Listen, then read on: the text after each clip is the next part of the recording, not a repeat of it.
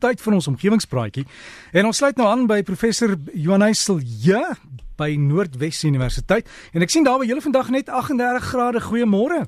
Môre Derek, môre al die omgewingsvriende. Ja, gelukkig Derek net 38. Hey, wolkekrabbers. Ja, Derek, nou ek het gedink ons moet die jaar op so 'n figuurlike hoogtepunt begin en gesels oor hierdie hoë geboue of soos nou die korrekte Afrikaanse besondere hoë gebou, 'n wolkekrabber en dan die waarde daarvan vir ons omgewing. So, dis nou mos vir ons bekend dat hierdie tipe hoë geboue kom voor in gebiede waar ontwikkeling baie meer gekonsentreerd is en waar daar behoefte is aan meer doeltreffende gebruik van waardevolle en duur grond, veral dus in stede en sentrale sakegebiede. Maar tot die begin van die 19de eeu was wolkekrabbers maar redelik skaars. Tot twee dinge gebeur het wat nou hierdie prentjie kom verander het. Een, staal het baie meer bekostigbaar geword en twee, huisbakke het 'n realiteit geword. So dit het beteken stede kon nou vertikaal uitbrei en baie meer mense huisves op 'n klein stukkie grond. En wolkekrabbers het dus populêr begin word in stede, so by so dat sedert die tydperk van die industriële revolusie daar selfs 'n kompetisie tussen stede was om te kyk wie wen die resies na die wolke, as mens nou so kan sê, uh, met die hoogste wolkekrabber. Nou Amerika het vir meer as 40 jaar hierdie rekord gehou met hulle Empire State Building wat 380 meter hoog is. Maar in vandag se terme hou dit nie eens meer die top 10 nie. En spoeg Dubai nou met 'n gebou van 828 meter hoog. Nou om dit in perspektief te stel, dis bykans 4 keer so hoog as die Carlton Sentrum in Johannesburg wat in 1972 tot 223 meter hoog gebou is en vandag nog steeds Afrika se hoogste gebou is. In 2017 is daar egter 'n rekord opgestel vir die meeste wolkekrabbers wat in 1 jaar gebou is.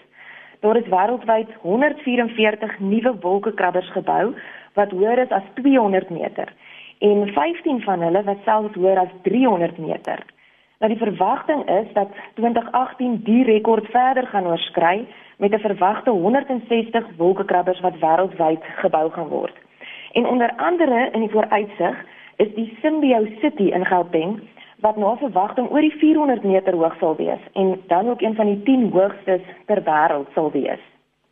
Maar volgens die navorsing van die Universiteit van Columbia is dit nou bewys dat sulke wolkekrabbers 'n positiewe bydrae lewer tot die stad se karakter wat selfs teruggetrek kan word tot die Bybelse tyd met die toring van Babel waar hoë geboue toe reeds aangesien was as 'n simbool van krag. Um vandag het hierdie ikoniese geboue amper soos die handtekening van die stad geword. En Derika dink nou sommer weer aan daai mooi foto van jou van Johannesburg die week wat nog 'n goeie voorbeeld hiervan is. Maar ja, dit is natuurlik onrealisties om te dink ons kan net hoër en hoër ontwikkel Vandag word die hoogte van geboue beperk deur onder andere geotegniese toestande en die groot maat infrastruktuur en ook die kapasiteit van omringende paaie en beskikbaarheid van parkere. So 'n dorp of 'n stad beslis self oor die hoogtebeperkings na aanleiding van estetika en na aanleiding van hulle toekomstige ontwikkelingsplan van daardie spesifieke dorp of stad. So hoogtebeperkings verskil dus van stad tot stad en word vervat in elke dorp of stad se um in elke munisipaliteit se dorpsbeplanningsskema. Maar daar is ook nuwe tendense aan die ontwikkel waar hierdie grys en grou wolkekrabbers poog om weer die omgewing en veral groen terug te bring in die stad en waar geboue nou selfs ontwerp word as stedelike tuine en vertikale woude. Nou een so 'n wolkekrabber genaamd die Bosco Verticale wat Italiaanse se vertikale bos is onlangs in Milan ontwikkel. Nou hierdie gebou het groot betonbalkonne en blombakke reg rondom die gebou en op elke vloer wat beteken meer as 21000 plante bedek die gebou. So op die oog af lyk hierdie gebou dis regtig soos 'n vertikale bos. Die ontwerp van hierdie eerste vertikale bosgebou was natuurlik 'n hensespan poging van 'n groep kundiges in plantkunde, etologie, volhoubaarheid en stedelike ontwerp. En dit het maande se navorsing geverg om probleme op te los wat nog nooit voorheen deel van argitektuur was nie, soos um hoe om plante en bome te akkommodeer wat uit hulle natuurlike habitat geneem is en blootgestel word aan baie hoër windsnelhede as plante en bome wat op die grond geplant word.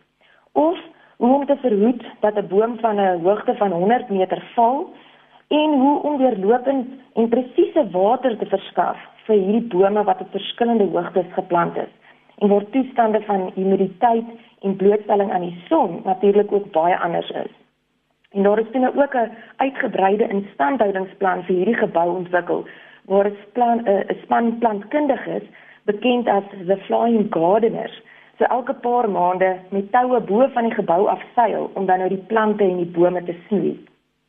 En intussen het die Raad vir Hoë Geboue en Stedelike Habitat onlangs 'n studie gedoen op hierdie vertikale bosgebou en gevind dat dit regtig 'n groot bydrae lewer tot suurstofproduksie in die stad, asook die opneem van besoedelde mikrodeeltjies wat in die stad voorkom en dat dit klankdemp van die stadverkeer en die biodiversiteit en die energiedoeltreffendheid van hierdie geboue verbeter.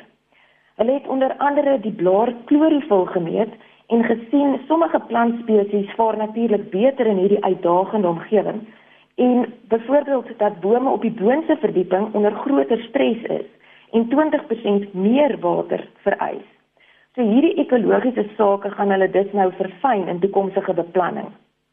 Maar in opsomming was dit duidelik dat hierdie vertikale bosgebou 'n alternatiewe stedelike omgewing bied wat stadsmense nou toelaat om naby bome en plante te woon. En dit is iets wat eintlik maar net 'n realiteit was vir mense in voorstedelike huise met tuine. Maar tans is daar wêreldwyd baie inisiatiewe en sulke groen geïnspireerde ontwerpe vir geboue. Nou een wat vir my uitstaan is die konsep van die vertikale boerdery of of soos hulle um, praat van die stedelike plase. Maar Derek, ek sal graag volgende week bietjie meer hieroor uitbrei. In 'n opsomming wil ek net sê mense moet onthou dat veral ook uit 'n stadsplanningsoogpunt um, wolkekrabbers ook maar beperkings het, ongeag hulle funksie of hulle groenheid. Want wanneer daar te veel hoë geboue is, gaan die menslike skaal verlore. En dit maak dat die mense nie meer veilig en gemaklik voel binne in hierdie beboude omgewing nie, maar dat mense oorweldig word deur al hierdie hoë strukture. So dit is krities dat ons geboue reg beplan en ontwerp word om werklike bydrae te kan lewer tot die stad en die omgewing.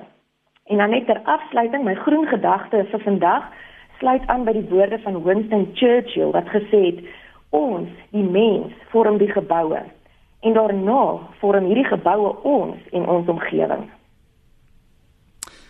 Baie dankie.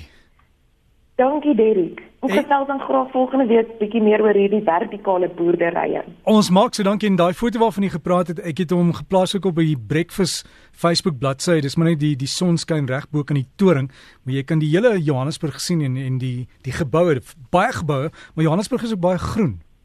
Dit is baie groen, Derek. Dis een van die groenste stede ter wêreld. Dis miskien ook iets waaroor ons 'n volgende keer kan gesels beslis ons sal so maak en dan so gesels ons met professor Johanay Silje van Noordwes Universiteit. Onthou net ook die Facebook bladsy omgewingspraatjies. Jy kan inligting daar kry en so kontak maak en dan die e-posadres is omgewingspraatjies by gmail.com die meervoud omgewingspraatjies by gmail.com